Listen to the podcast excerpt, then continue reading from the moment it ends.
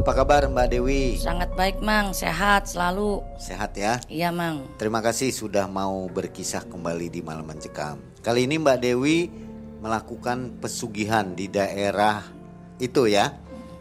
Dan Mbak Dewi di sini mendapatkan keberhasilan 700 juta. Bagaimana Mbak Dewi bisa sampai melakukan pesugihan itu? Kita coba tanya nih ke Mbak Dewi. Ya, Mang. Mbak Dewi, aktivitas apa Mbak Dewi? Oh, dulu mah saya sebagai penyanyi organ, Waktu itu ya, yang sempat dari daerah sini pindah ke sini dan selanjutnya begitu, Mang. kalau sekarang apa? Sekarang saya terjun di dunia salon. Bukan salon ya Mbak Iya. Dewi ya. Ini Mbak Dewi melakukannya tahun berapa? Tahun 2009, Mang. 2009. Kenapa kok bisa nekat melakukan pesugihan? Saya dendam pada calon mertua saya yang selalu meremehkan saya karena dulu kerjaan saya kan penyanyi organ yang selalu pindah-pindah daerah gitu. Dan di situ kan dipertandatanyakan bibit bobot saha dan kerjaan saya dari dari mana gitu. Tahan dulu Mbak Dewi. Nanti kisahnya dikisahkan setelah ini. Sobat MM, kita bisa ambil hikmahnya nanti. Kita dengarkan kisah Mbak Dewi bersama Mang Ei. Silakan Mbak Dewi.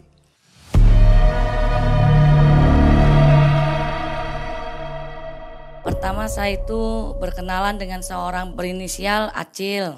Itu dari Bandung. Nah, saya emang sudah dekat sama dia dan mulai menjalin hubungan yang serius. Dan setelah saya berkenalan jauh berbulan demi berbulan saya lewati dengan dia, dia menyatakan keseriusannya pada saya dan dibawalah saya ke Bandung ke rumah dia. Itu saya ketemu sama orang tuanya, tapi di responnya saya menjabarkan tangan, orang tuanya seperti tidak mau mengulurkan tangannya. Akhirnya di situ saya turunkan tangan saya dengan saya tekukan muka saya ke bawah. Nah di situlah eh, si Acil dipanggil sama keluarganya ke suruh masuk ke dalam. Dan beberapa lama saya penasaran, Mang, apa yang diobrolkan dengan, dengan keluarganya gitu. Saya mendengar dari bilik pintu lah, karena rasa penasaran saya. Di situ saya mendengar percakapan tentang diri saya, terhadap nilai-nilai saya gitu. Orang tuanya seolah-olah merendahkan saya. Ya, nueta saha, bibit bebet bobot dari saha, kata orang tuanya terus kerjaannya naon. Eh, cewek itu katanya di situ keluarganya sangat merendahkan saya. Akhirnya saya langsunglah cabut dengan tidak pamit. Keluarga dia naik motor dan setelah saya cabut, saya lihat dari spion motor itu si Acil itu mengikuti saya sampai datang ke Cirebon di Kedawung. Terus sesudah sampai di Kedawung saya memberhentikan motor. Nah, saya ngobrol lah sama dia. Cukup A, hubungan kita sampai di sini saja. Karena saya sudah terlanjur kecewa sama kamu juga keluarga kamu karena kamu kamu juga sudah bohongin saya dengan saya menyimak kata-kata keluarga mereka yang yang dia jujur katanya seorang duda taunya dia cerai karena saya. Kehadiran orang ketiga kata orang tuanya. Saya di situlah merasa dibohongin. Akhirnya di situ saya memutuskan pergi kamu pulang ke Bandung. Saya akan melanjutkan hidup saya. Terus di situlah kita putus di Kedawung saya tinggal di rumah ibu saya beserta satu anak saya. Saya di situ merenung mang saya udah kehabisan uang. Saya harus gimana ini akhirnya uang di tabungan tinggal menipis. Saya lihat buku tabungan saya sisa 3 juta. Ini tabungan saya mau dikemanain 3 juta dengan nggak tahu pikiran dari mana kok saya ingin sekali kerja ke Malaysia dengan modal nekat uang sisa tabungan di saya itu. Akhirnya saya putuskan untuk keesokan harinya saya mau pergi ke Malaysia tapi sebelum saya berangkat ke Malaysia keluarga dari Acil datang semua ke rumah saya. Pada saat itu Dilala ibu saya untungnya sudah tidur. Jadi saya yang, yang cuma menyambut mereka. Kata saya, mau apa kamu datang ke sini? Saya udah bilang sama kamu hubungan kita udah berakhir. Kamu percuma bawa keluarga kamu ke sini juga. Karena besok hari saya mau berangkat ke Malaysia. Lanjutin hidup kamu, kembalilah kamu sama keluarga kamu. Karena saya tidak mau disebut pelakor di keluarga kamu. Akhirnya tidak lama kemudian dia pergi membawa beserta keluarganya dan keesokan harinya saya izin ke orang tua nggak izin ke pergi ke Malaysia. Bu, titip anak. Saya bilang gitu. Mau ke mana, Nok? Ya mau ngadu nasib bu, mau kerja daripada di sini saya nggak bisa ngasih susu, anak saya nggak bisa ngasih makan, jajan, saya nggak mau ngerepotin ibu terus. Saya bilang gitu. Insya Allah bu doain saya. Akhirnya dengan berkat ibu saya, saya berangkatlah ke Malaysia. Waktu mau berangkat ke Malaysia itu ilegal atau legal? Ya dibilang ilegal, tapi saya passing. Sebulan sekali 29 hari saya keluar dari Malaysia untuk ngecop di paspor. Paspornya paspor passing dicap. Oh dicap Gitu. ya. Saya berangkatlah dari rumah ibu saya ke Bandara Soekarno Hatta di Jakarta dan saya memakai pesawat kebetulan itu hari libur mang. Tiket pesawat pada naik semua. Saya oh, beli di tiketnya kosong katanya sudah habis. Akhirnya saya cari-cari calo tuh. Calo dengan harga tiket yang wow 2 juta setengah. Akhirnya kan uang di modal tinggal di pegangan tangan itu tinggal 500 ribu kan. Di situ udahlah saya nekat. Saya belilah lewat calo. Yang penting saya bisa nyampe Batam Sesudahnya itu saya naik pesawat, ya maklumnya baru pertama kali naik pesawat. Ya itu pesawat mau naik tuh kayak kita mau gimana kuping budek, geleser hati gitu pas lepas landas gitu. Terusnya kayak kita naik bis aja bleduk bleduk bleduk gitu. Nah sesudahnya nyampe di Batam, nah saya pelangap longo kan belum dapat pengalaman tuh mang. Baru seumur hidup kan modal nekat Sendirian itu ya? sendirian mang pada saat itu. Uang cuma megang 500 ribu saya tuh. Akhirnya saya tanya-tanya sama yang di Batam kalau mau ke Malaysia tuh naik apa? Gitu saya kan bilang gitu. Oh mbak dari sini naik kapal peri katanya. Oh iya makasih ya saya bilang gitu. Saya akhirnya ke ke Batam eh, beli tiket kapal peri jurusan Pasir Gudang gitu. Nah dengan harga tiket itu kapal peri 400 ribu Akhirnya uang di dompet kan tinggal 100 ribu tuh mang. Perkiraan saya tuh pergi ke Malaysia lancar-lancar aja. Taunya ada aja hambatannya tuh. Di datanglah saya di Pasir Gudang, saya mau masuk di pelabuhan saya kena tendang mang. Di situ saya kena tendang katanya tidak ada orang ngambil dari orang Malaysianya. Saya Nggak ada yang jemput maksudnya? nggak ada yang jemput mang. Kalau ada yang jemput kan harus bayar katanya 350 ringgit. Boro-boro 350 ringgit, uang di dompet tinggal 100 ribu. Kata saya tuh, "Ah, awak nak duduk ke mana? Kata orang pasir gudang itu pegawai pelabuhannya dengan badan kekor kan pakai baju pelabuhannya. Saya bilang saya mau masuk Malaysia. "Eh, siapa yang ngambil awak? Tak ada. Saya bilang gitu kan. Akhirnya awak gau katanya suruh keluar. Akhirnya saya keluar menepilah saya di pelabuhan kan. Saya duduk diam. Ya Allah, cobaan apa lagi ini yang akan saya lalui? Saya kan di sini niat bener mau cari uang buat nafkahin anak saya di situ. Saya menangis, meneteskan air mata. Ya Allah berikanlah petunjuk. Enggak lama kemudian ada yang hampirin saya. Namanya Mbak Heni, asli orang Surabaya. Dia cakap sama saya, awak duduk ke mana? Pada saat itu kan saya nggak paham bahasa Malaysia. Disangka saya, awak duduk ke mana? Ya saya jawab, saya duduk di sini. Dengan dia, si Mbak Heni itu ketawa kan. Lah, kok duduk di sini kak? Ya kan tadi kakak bilang, mbak bilang, awak duduk ke mana? Ya benar saya jawab duduk di sini. Maksud saya, mbak tinggal di mana? Saya jawab, saya nggak tahu. Saya mau kerja aja di Malaysia. Lah, emang nggak ada tujuan tak mbak? Kata si Heni, nggak ada tujuan. Terus saya kena tendang di pelabuhan. Kata orang pelabuhannya karena saya nggak ada orang ngambil dari dalam Malaysia. Terus ya sudah gini aja. Kak, kata orang Surabaya itu si Heni, ayolah saya nak bantu akak, saya, saya juga sama-sama orang Indonesia dan saya juga orang Surabaya. Dulu juga riwayatnya sama dengan akak begitu pilu. Nah saya mau bayarin akak untuk ambil orang dalam itu saya modalin katanya supaya akak bisa lolos keluar dari pelabuhan pasir gudang itu. Nah akak nanti kalau sudah dari Malaysia tinggal di mana kata dia. Saya jawab nggak tahu saya mau ke mana. Loh kok bisa nggak tahu? Iya karena saya di sini modal nekat Kata saya tuh, ya kata si Heni ya sudah sekarang tinggallah bersama saya di apartemennya. Tapi nanti Aka mau kerja di mana? Ya itu juga saya bilang nggak tahu. Lah kok serba nggak tahu sih Heni bingung. Ya sudah kebetulan saya kerja di kedai. Nanti katanya uh, saya dicarikan kerja juga sama dengan dia di restoran Malaysia gitu. Tapi sementara Aka duduk dulu tinggal sama saya. Nanti kalau Aka sudah kerja, sewa apartemennya bagi dua kongsi gitu. Tak banyak pikir saya langsung jawab oke okay, karena saya sudah kehabisan uang pada saat itu.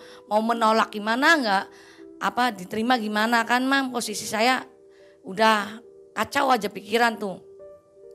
Sesudah nggak lama itu satu hari lah saya duduk oh, diam di apartemennya dia dan uh, keesokan harinya sore dia pulang kan, pulang membawa berita baik.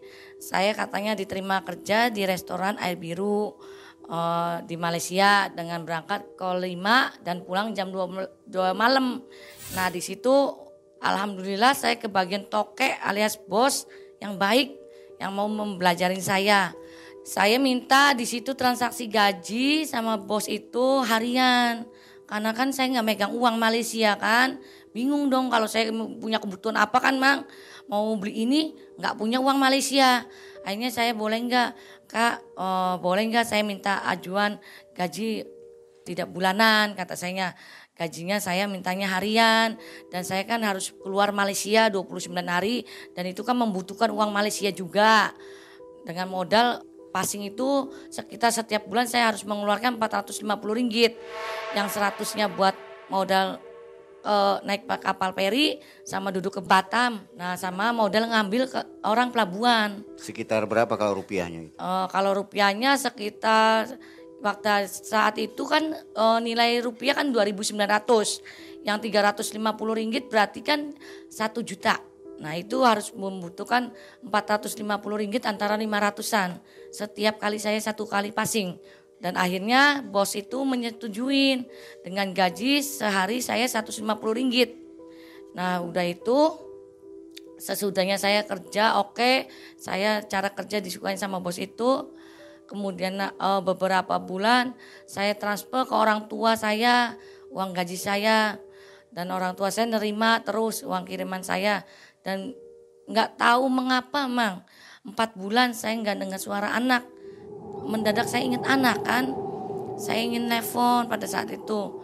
Saya beranikan diri uh, nelfon ke orang tua saya. Akhirnya saya nelfon pada malam pulang kerja tuh. Saya nelfon ke ibu saya menanyakan kabar anak. Katanya anak saya udah tidur, baik-baik aja. Kiriman kamu katanya kurang kata ibu saya. Loh kok kurang kan gaji udah saya kirimin semua. Dan saya nggak tahu di, di samping ibu saya itu ada kakak saya yang mendengar percakapan saya dan kakak saya ada suara kresek apa seperti HP diambil tuh. Kakak saya ngelihat kode wilayah negara. Akhirnya kedengaran tuh mang cakapnya kakak saya sama ibu saya tuh. Ini bu katanya Dewi tuh bukan di Indonesia. Ini kode negaranya beda. Katanya kakak saya ini kode negaranya Malaysia. Di situ ibu saya menegur saya. Kamu ada di mana? Jawab jujur, kan saya nggak bisa bohong ya mang sama orang tua, apa pun resikonya itu. Akhirnya saya, ya saya ngaku, saya di Malaysia. Akhirnya ibu saya kan pikiran bukan buat kerja kali ya. Kamu ninggalin anak katanya untuk senang-senang di Malaysia, anak di sini sama orang tua.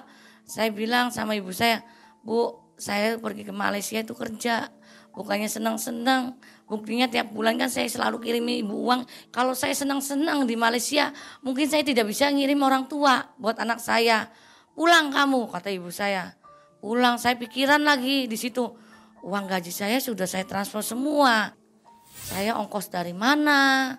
Saya untuk pulang. Akhirnya kalau di Malaysia kan, mang di situ dibebaskan masang judi tuh, judi angka itu loh saya modal uh, masang lah uang tinggal 10 ringgit di dompet saya 10 ringgit aduh gimana kalau saya pasangkan saya nggak makan besoknya tetapi kalau saya nggak masangkan nekat saya nggak bisa pulang tapi saya masang belum tentu dapat pikiran tuh berkecamuk di benak saya tuh itu udah nggak kerja itu masih, masih masih kerja Karena kan suruh pulang sama orang tua, sedangkan gaji kan sudah dikirim.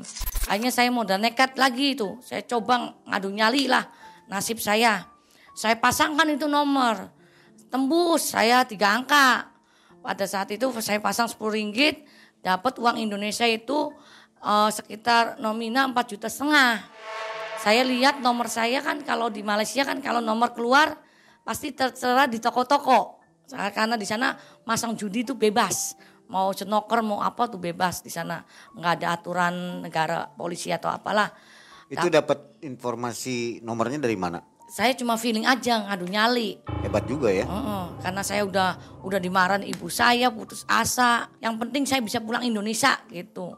Akhirnya saya tukarkan nomor saya tuh ke tempat yang saya pasang itu. Saya bawalah uang itu. Oh, saya sudah pulang ke apartemen. Saya cakap sama Mbak Eni, Mbak besok saya mau izin sama Toke. Saya nak balik dulu Indonesia karena ibu saya marah-marah. Emang sih saya datang ke sini saya nggak izin ke ibu saya mau ke Malaysia. Saya bilangnya kerja aja. Ya sudah besok pagi kamu cakap ke Toke lang langsunglah kamu balik ke Indonesia. Nah pagi harinya saya ketemulah sama Toke. Kak, oh saya nak izin pamit pulang ke Indonesia dulu. Kata Toke, kamu tak payah lama-lama Kak Indon. Gimana nasib restoran ini katanya. Cuma kamu yang masaknya paling enak katanya dibandingin temen yang lain. Alhamdulillah saya dipercaya tuh sama bos itu tuh. Akhirnya saya pulang lah udah dapat izin dari bos saya. Pulang dengan lancar itu tuh mang pulang tuh. Nah Sesudah mau pulang saya bandara, terus dari bandara saya naik bis. Nah naik bis turun ke Kedawung, saya telepon tante saya. Te jemput saya sih, saya ada di Kedawung. Ya tante nggak lama kemudian datang. Nah anterlah aku pulang ke rumah ibu saya. Nah dari jauhan tuh kelihatan ibu saya tuh lagi belanja sayuran gitu. Banyak kan orang di situ tuh pada ngumpul tuh sayuran yang didorong itu. Nah udah nggak begitu lama, motor tuh pelan tante saya jalannya. Bu, iki Dewi balik. Nah saya tuh nggak nyangka, nggak ada di benak pikiran saya tuh. Ibu saya mau narik saya dari belakang tuh, kaos saya tuh. Nggak nyangka aja, kan motor pelan. Jadi ditarik dari belakang tuh, Mang, bisa kan? Sama tangan ibu saya. Akhirnya saya ditarik dari belakang, jatuh nggak dari motor tepuk. Kan banyak orang. Malu saya dimarahin sama ibu saya. Kamu ini anak durhaka anu anu anu. Kata ibu saya. Akhirnya saya lari lah buang malu itu. Saya lari pulang ke rumah ibu saya tendang lah saya pintu bak gitu. Tendang pintu nggak lama kemudian kan ibu saya nyusul. Sesudah ibu saya nyusul, kamu malah ngerusak pintu lagi. Pintu nggak salah kamu tendang. Ya ibu tanya dulu baik-baik. Jangan asal ponis saya. Apalagi narik saya sampai jatuh harga diri saya di mana bu saya tuh capek saya suruh pulang saya pulang ibu mana tahu kan riwayat saya perjalanan ke Malaysia seperti apa dan sengsaranya saya di Malaysia seperti apa dan saya mau pulang ke Indonesia saya sengsaranya juga seperti apa ibu apa tanya saya bilang gitu dengan nada keras juga ke ibu saya. Akhirnya di situlah ibu saya minta maaf. Ya nok ibu yang salah. Akhirnya saya cerita saya begini bu. Udah untung anaknya ibu tuh nggak gantung diri. Karena putus apa putus asa sakit hati. Sama tahu ibu orang Bandung noh. Keluarganya menghina saya. Katanya bibit bebet bobot saha. Ibu kan nggak tahu kan nasib anaknya. Sedangkan ibu nggak pernah tanya anaknya hubungan sama siapa jalan sama siapa nggak mau tahu kan dari anaknya akhirnya di situ orang tua memahamin. Nah sesudah nggak lama itu saya disuruhlah istirahat. Dan anak saya lagi main tuh bang entahlah ke mana lah. Belum ketemu anak saya tuh. Sore saya bangun lihat anak saya kan senang tuh mang. Capek-capek pikiran pusing apa. Saya gendong lah anak saya pada saat itu sekitar umur 2 tahun mang. 2 tahun saya peluk dia. Kayak dari dari bayi kan dia saya besarkan kan tanpa seorang bapak gitu karena anak lahir saya cerai sama bapaknya anak saya peluk, saya ciumin. Nah sesudah itu saya tuh baru merasakan tidur dengan anak lagi. Saya peluk anak saya, saya cium.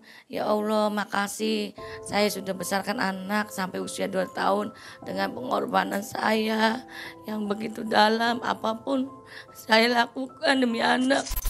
Kerja jadi penyanyi organ saya lakukan. Kerja di Malaysia saya lakukan itu demi anak saya. Dan akhirnya saya mengeluarkan air mata karena kasih sayang saya tulus sama anak saya, sama teman yang saya. Semenjak itu saya berbisik sama anak saya, maafin mama. Bukan mama sengaja meninggalkan kamu di sini sama mbak. Mama pergi karena mengadu nasib untuk besarkan kamu seorang diri.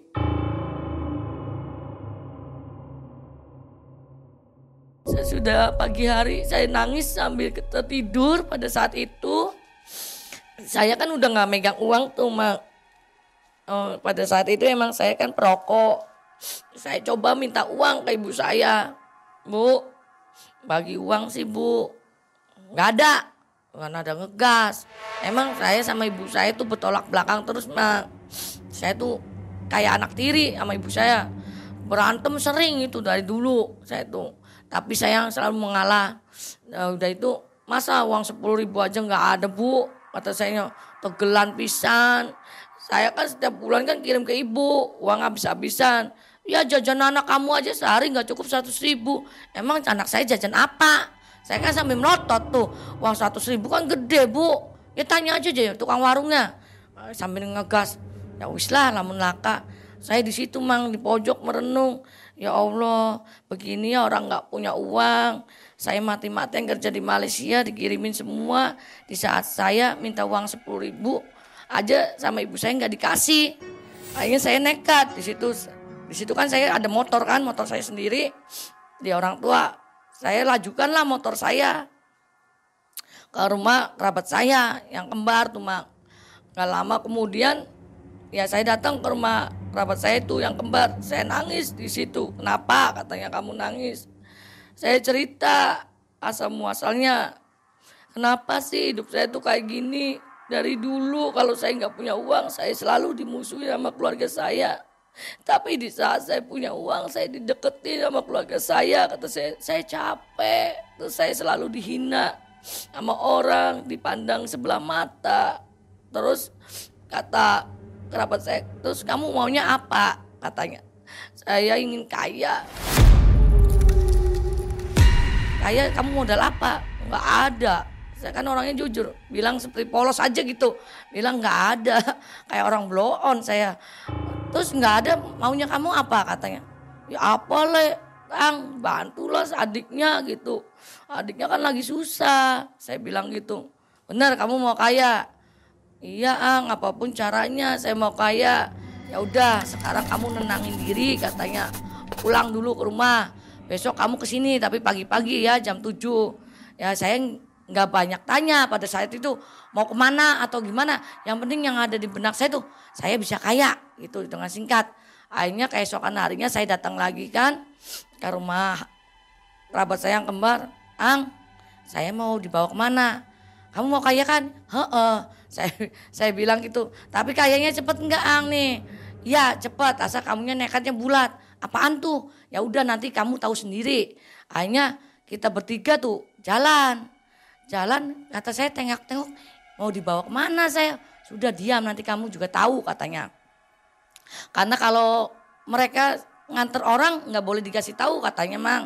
Bilang gitu. Yang penting udah nekat bulat mau kaya ya gitu udah diam nanti kamu ketemu sama kuncennya langsung kamu bicara kamu mau apa tujuan kamu mau apa gitu utarakan semua katanya nah nggak berapa lama si kuncen itu turun keluar dari biliknya itu. Kan biliknya rada atas sih mang. Nah oh, udah itu saya ketemu sama kuncen.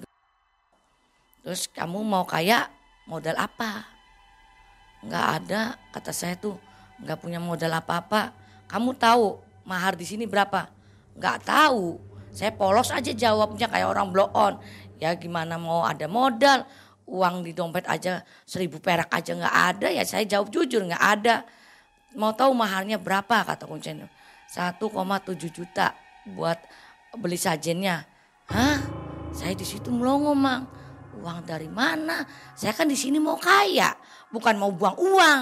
Saya pikir gitu. Hanya bentar pak, saya mau rundingan dulu sama teman saya yang kembar itu. Ang, priben sih? Kita kan mainnya kan pengen kaya, duduk pengen buang duit. Apa sih? Kata uh, kerabat saya yang kembar itu. Ana mahare, pira mahare. 1,7 gila uang dari mana? Nih dompet saya saya jeberin kan kosong. Nggak punya duit. Wish menang dikit kata uh, Aang tuh.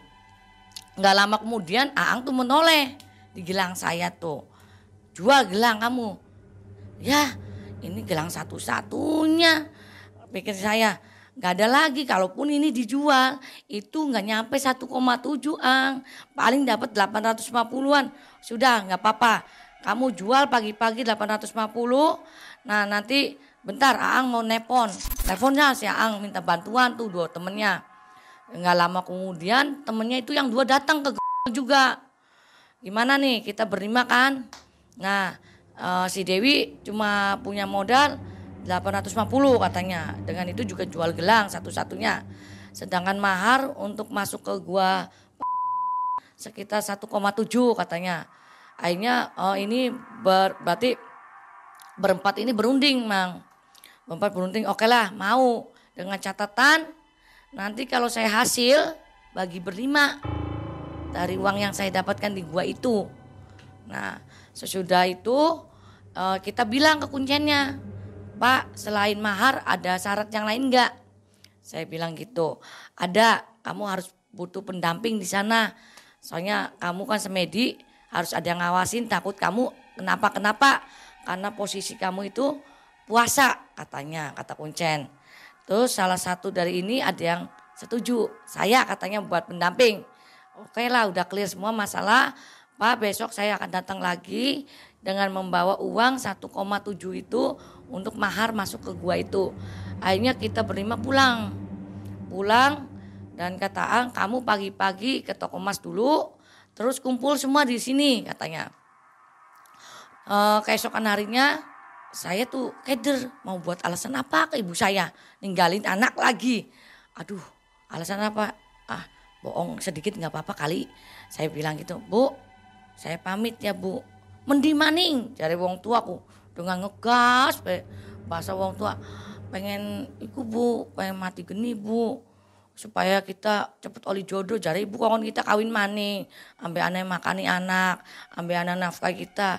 Kan mau kan kudu puasa bu. Utang kempong. Mendi puasa e anu bu nih astana gunung jati. Saya ngarang cerita gitu aja lah. Yang penting ibu saya percaya bodoh amat lah bohong dosa-dosa kata saya tuh. Daripada saya jujur nanti saya yang ada ibu saya marah. Udah pada saat itu terus saya pergilah pamit sama orang tua. Sudah sudah pamit saya ke toko emas dulu jual emas saya dapatlah 850 seperti perkiraan saya. Dan habis ke toko emas saya lari lagi ke rumah Aang. Nah udah kumpul semua di situ tuh orang lima. Nah sudah kumpul kita berangkat tuh berlima ke sana. Tunggu ya sekitar satu antara dua jam. Kamu diam di sini katanya. Uh, sesudah saya balik ke sini lagi kita akan naik ke atas. Sesudah lohor naiknya.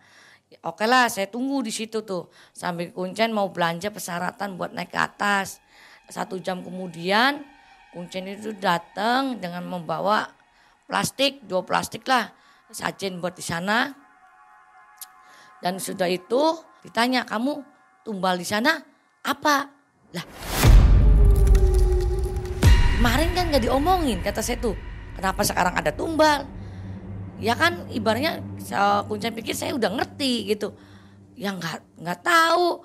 Ya sudah gini aja kata kuncen. Kamu bawa nggak fotonya? Foto. Iya foto orang yang dibenci. Ya udah saya lihat dompet saya kan. Kebetulan ada foto orang yang saya benci tuh.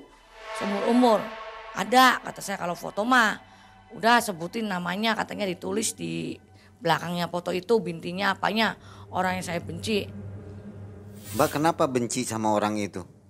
Ya karena dia selalu merendahkan saya. Perempuan atau laki? Laki-laki.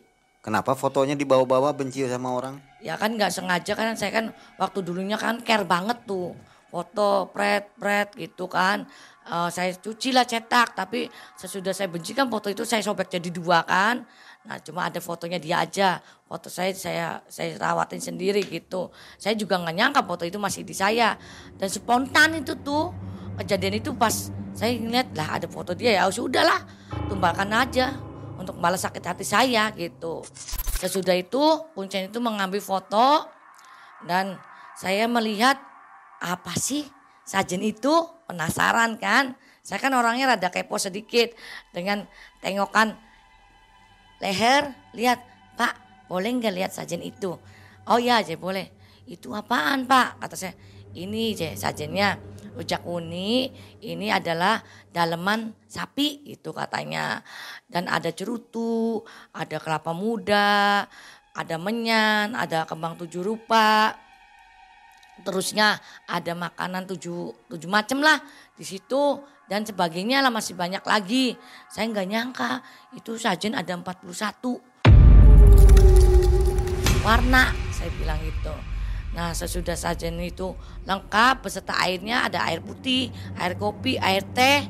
Nah udah pada siap katanya pendampingnya udah siap. Oke kita ke atas tuh karena gua kan adanya di atas. Kita jalan kaki uh, ya jalan tuh sekitar satu jaman lah ke atas itu. Sampainya di depan gua.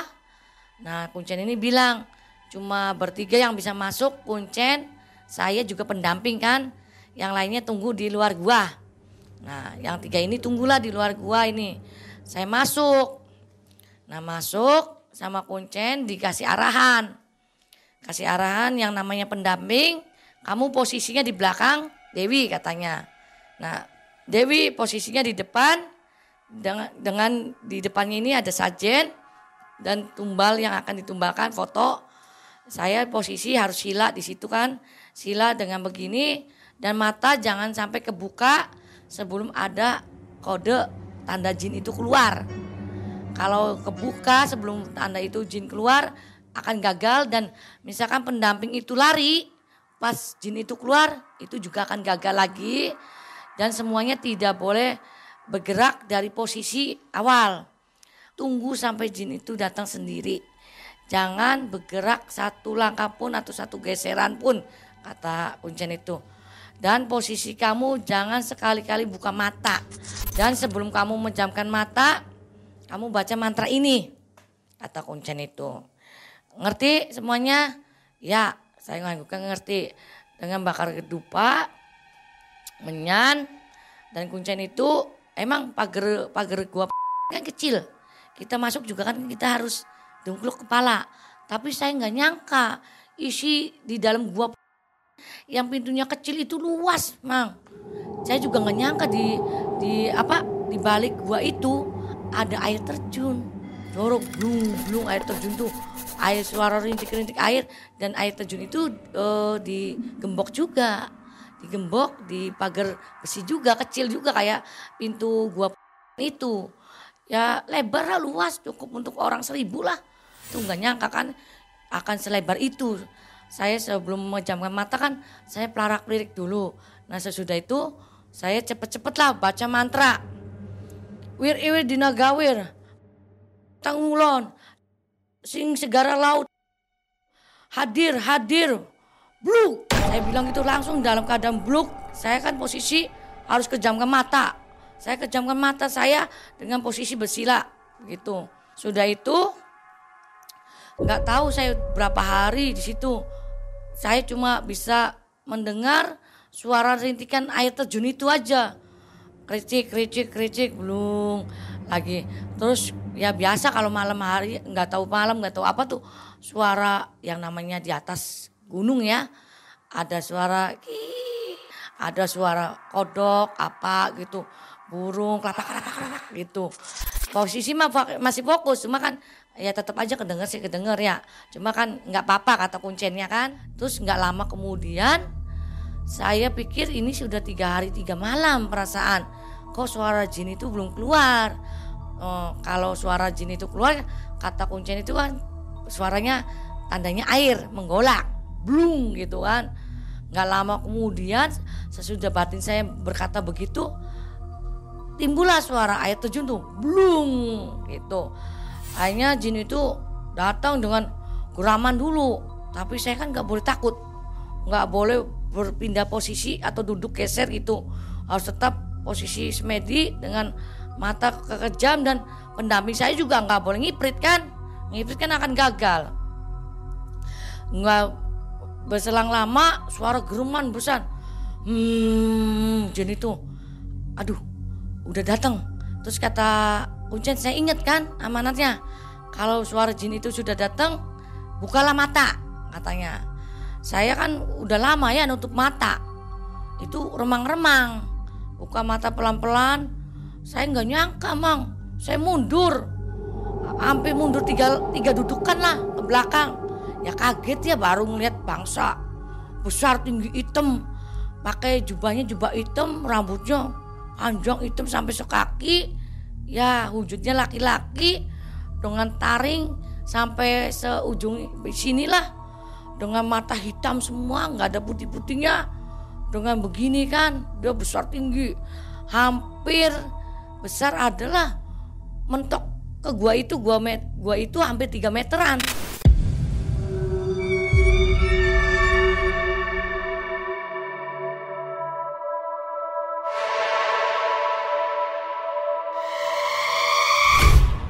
besar tinggi 3 meteran. Akhirnya di situ saya tuh beranikan diri. Jin itu kan berkata, mau apa kamu ke sini? Saya jawab dengan nada patah-patah.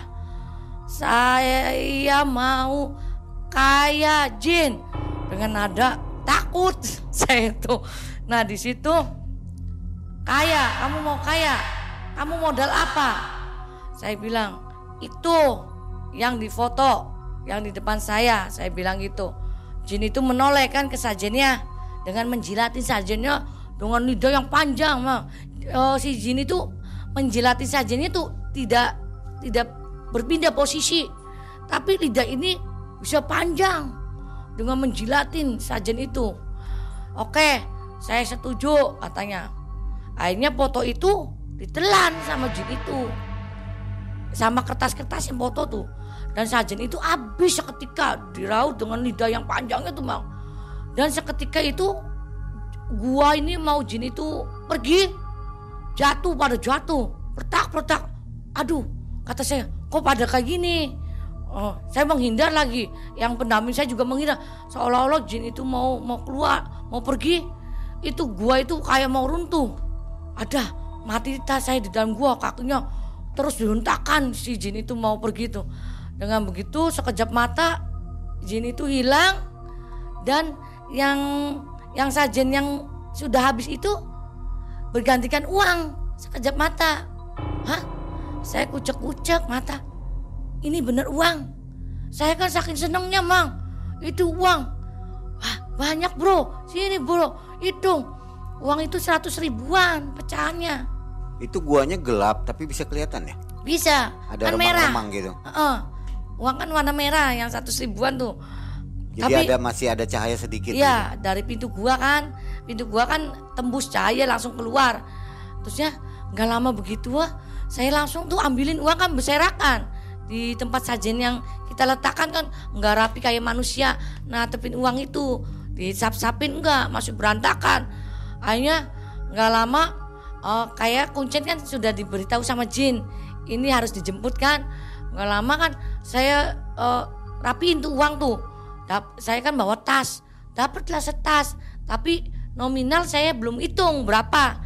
Nah sudah itu saya rapiin uang itu dan uh, menyan katanya suruh dimatikan kalau sudah pakai air dan dupanya matikan juga. Itu kan dupanya kan sangat tinggi banget. Itu cukup sampai jin itu datang.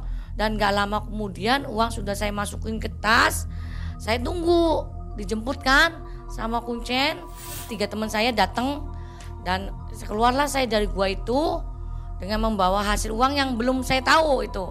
Uh, nah Kuncen itu nggak lama suruh kita pulang ke tempat yang kita singgahi. Pertama mau mau datang itu kan mau datang itu rumahnya si Aang. Hanya itu saya pulang tuh. Itu kan posisi jam 2 malam. Saya pulang.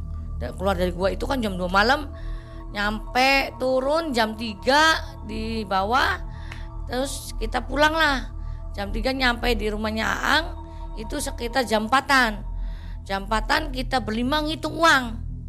Nah ngitung uang baru tahu tuh nominalnya. Itu ada 700 juta. Cuma kata empat ini kasihlah Dewi bagian yang paling besar. Karena dia yang nyiapin tumbal karena dia yang lakon kosong perut kasihan saya dapat bagian di situ 300 juta. Dan mereka dapat bagian masing-masing seratusan empat orang itu.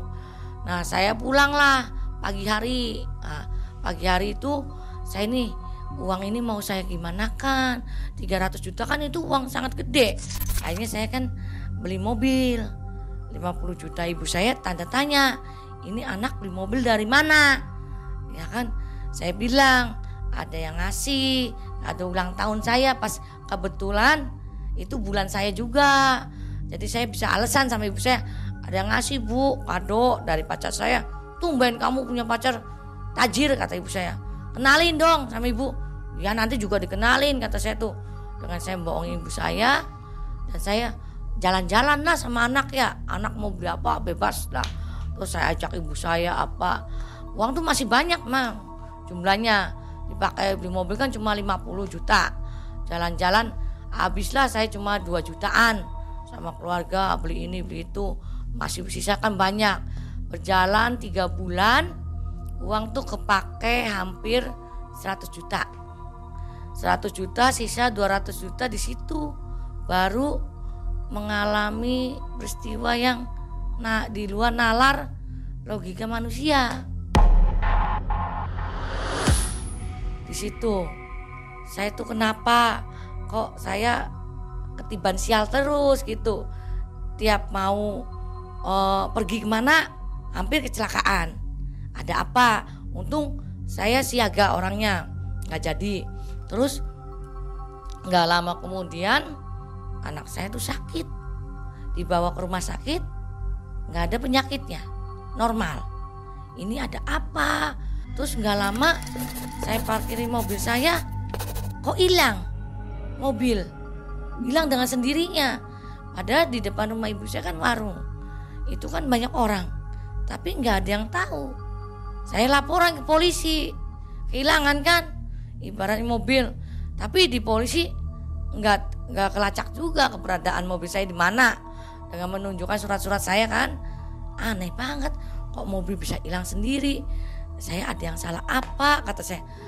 Anak saya sakit nggak sembuh-sembuh. Saya kejadian demi kejadian beruntung ketiba sial terus saya itu di situ tuh dengan satu bulan saya mengalami itu anak saya kok nggak sembuh sembuh akhirnya saya nekat datengin lah kiai yang dekat-dekat rumah kata saya pak kiai tolonglah saya emang saya sekarang nggak kekurangan uang kiai tanya kamu ngelakuin perbuatan apa? kata kiai itu.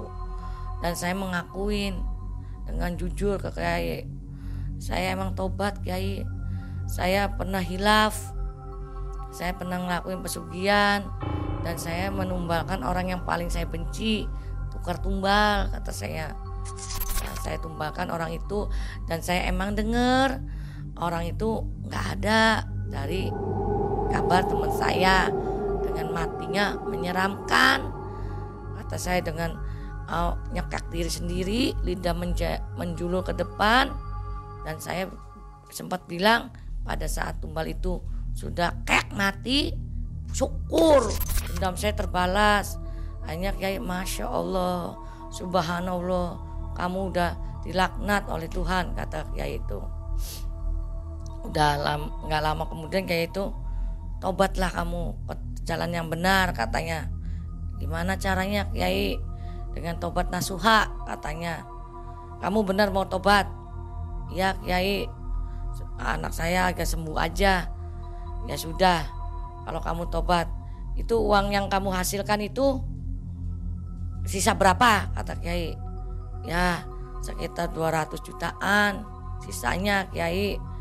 Kata kiai mana uangnya? Saya bawa itu uang di tas nggak saya masukin ke bank. Karena nggak boleh sih uang dapat pesugihan dimasukin ke bank. Saya gondol-gondol terus ke mana-mana uang itu. Nah saya tunjukin ke kiai itu sodor uang. Nggak lama kiai itu ngambil kain putih.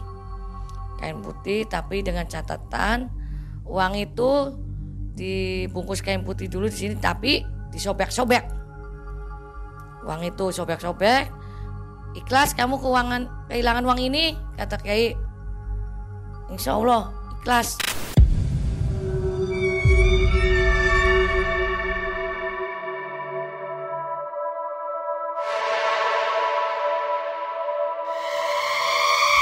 Asal anak saya sembuh saya bilang gitu. Ya sudah Kiai itu melebarkan kainnya sebesar 2 meteran lah. Kain dilebarkan sobek-sobek sama saya dan diikat mati. Nah uang itu Kiai wiridin dulu satu hari satu malam dan nggak lama Kiai ambil air aqua didoain lah air itu. Saya disuruh pulang dulu.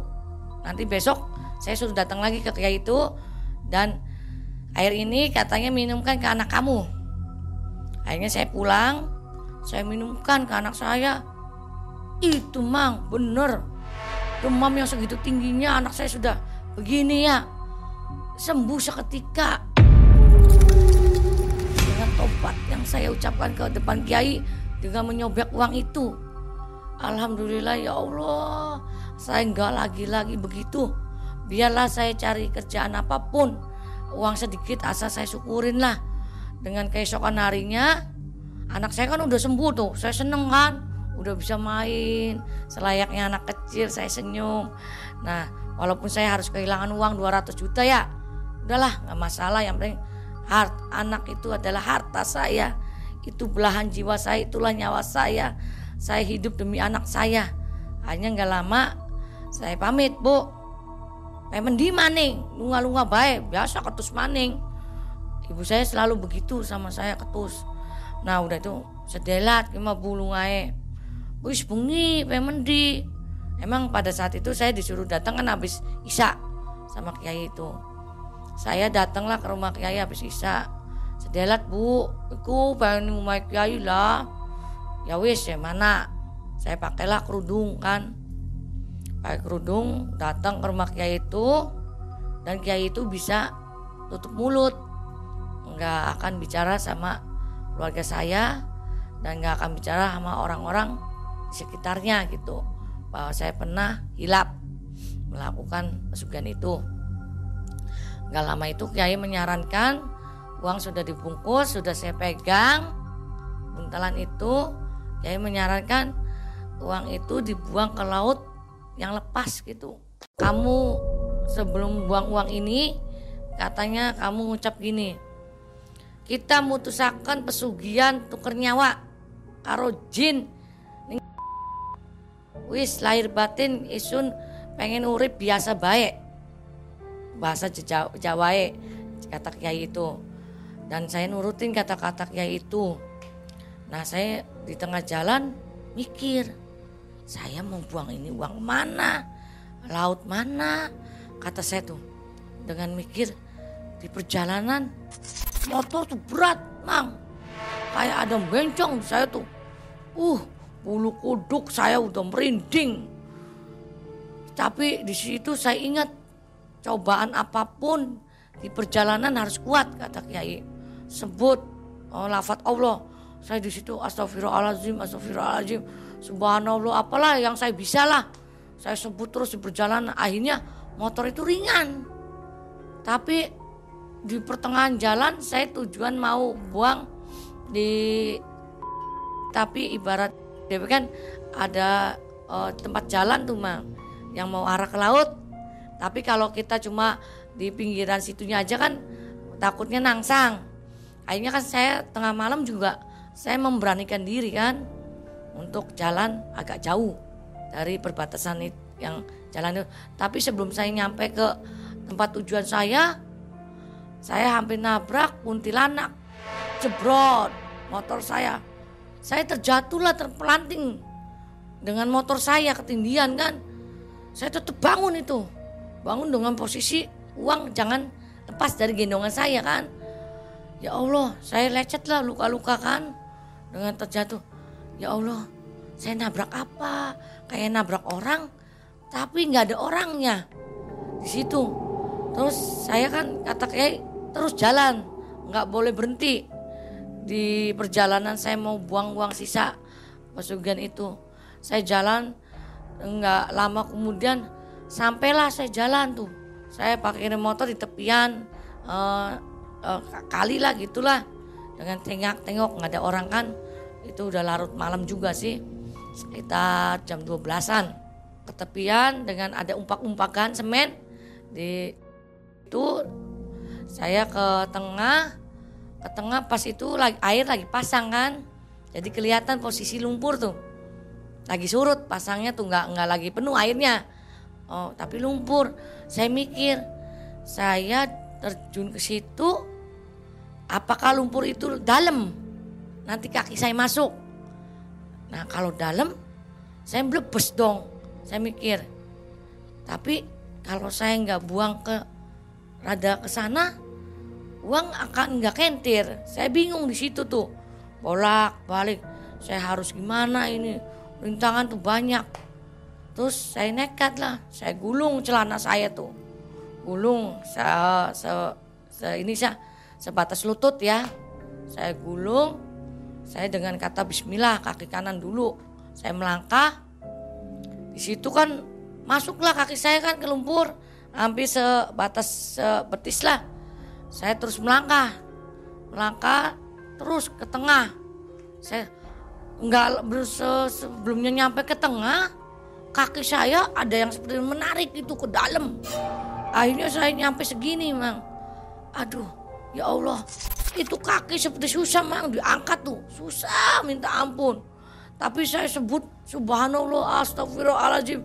La haula wala quwata illa billah terus saya sebut asma Allah nggak lama kemudian kaki saya bisa diangkat kan bisa diangkat saya terus melangkah terus melangkah dan akhirnya sampailah saya di tengah itu. Saya ingat sebut asma Allah lagi. Saya ingat ajaran kiai itu nasihat Bismillahirrahmanirrahim nggak bernapas itu tujuh kali. Saya niat buang uang pesugihan saya, saya mutusin tali antara jin dengan saya karena saya mau hidup normal lagi. Jangan ganggu hidup saya lagi. Buang sial, buang ke kebel saya. Saya buang itu uang, blung. Saya kan masih kelihatan yang namanya bungkus putih uh, antara posisi malam tuh. Uang itu temu-temu tenggelam dan tidak ada. Sekejap mata. Alhamdulillahirabbil alamin. Saya bilang, "Ya Allah, saya ngelus dada. Begitu banyak rintangan ya Allah. Sudah saya tobat, tidak akan sekali-kali lagi saya melakukan ini. Ya Allah, saya emang hilap. Hilapnya saya karena putus asa, hinaan cacian, hinaan orang. Akhirnya toh dengan melakukan persugihan juga tetap aja saya kembali lagi hidup normal kan. Tidak punya apa bedanya dengan melakukan pesugihan kan. Hilang dengan sendirinya juga dan mengalami kejanggalan-kejanggalan. Jadi hidup saya kan nggak tenang. Akhirnya di situ saya pulang tanpa rintangan dan saya harus pulang ke rumah kiai itu dengan kata kiai melakukan sholat nasuha dan sholat tobat. Di situ saya melakukan sholat di masjid. Saya tobat benar-benar berlinang air mata.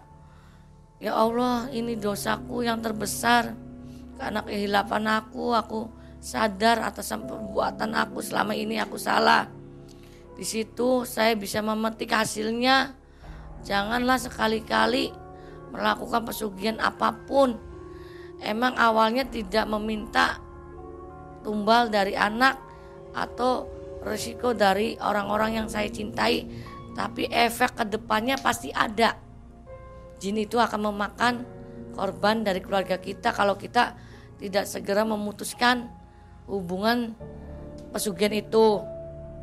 Saya di situ tobat saya menangis di Gusti Allah. Itu teman-teman gimana yang nerima uang nasibnya? Ya teman-teman yang menerima uang ada yang saya dengar ada yang meninggal satu orang dan ada yang anaknya meninggal satu. Nah ada juga yang cilaka. Saya dengar itu meninggal semua? Enggak ada yang ada yang cacat lah ibaratnya pincang kenapa gitu. nggak diingatkan waktu mbak mau buang itu atau mau memutuskan kenapa nggak diingatkan pada temannya? saat itu saya lupa saya pikirannya anak sakit sih. Dan setelah tobat ini saya kan langsung ke rumah mereka dan mendengar mereka kejadian begini-begini. Akhirnya masih ada yang selamat kan? Ada yang selamat. Saya arahkan ke kiai yang saya tobat itu. Saya arahkan ke situ dan yang uh, tadinya empat jadi sisa tiga kan. Nah yang tiga ini kan ada yang cacat satu. Yang dua ini ketiban sial terus katanya. Dan yang tiga ini oh, karena uangnya habis ya beda dengan saya mang. Jadi dia melakukan tobatnya yang beda dengan saya. Tapi kan tobat begitu kan tidak bisa kita ketahuin. Kan cuma mereka yang tahu sama kiai ini. Karena saya kan urusannya sudah selesai. Mobil apa kabarnya? Ya mobil sampai saat ini nggak ketemu. Nggak ketemu ya, hilang secara goib ya? Hilang secara goib gitu. Oke. Nah, baik terima kasih atas kisah yang bermanfaat untuk kita semua ini. Kita perlu petik hikmahnya.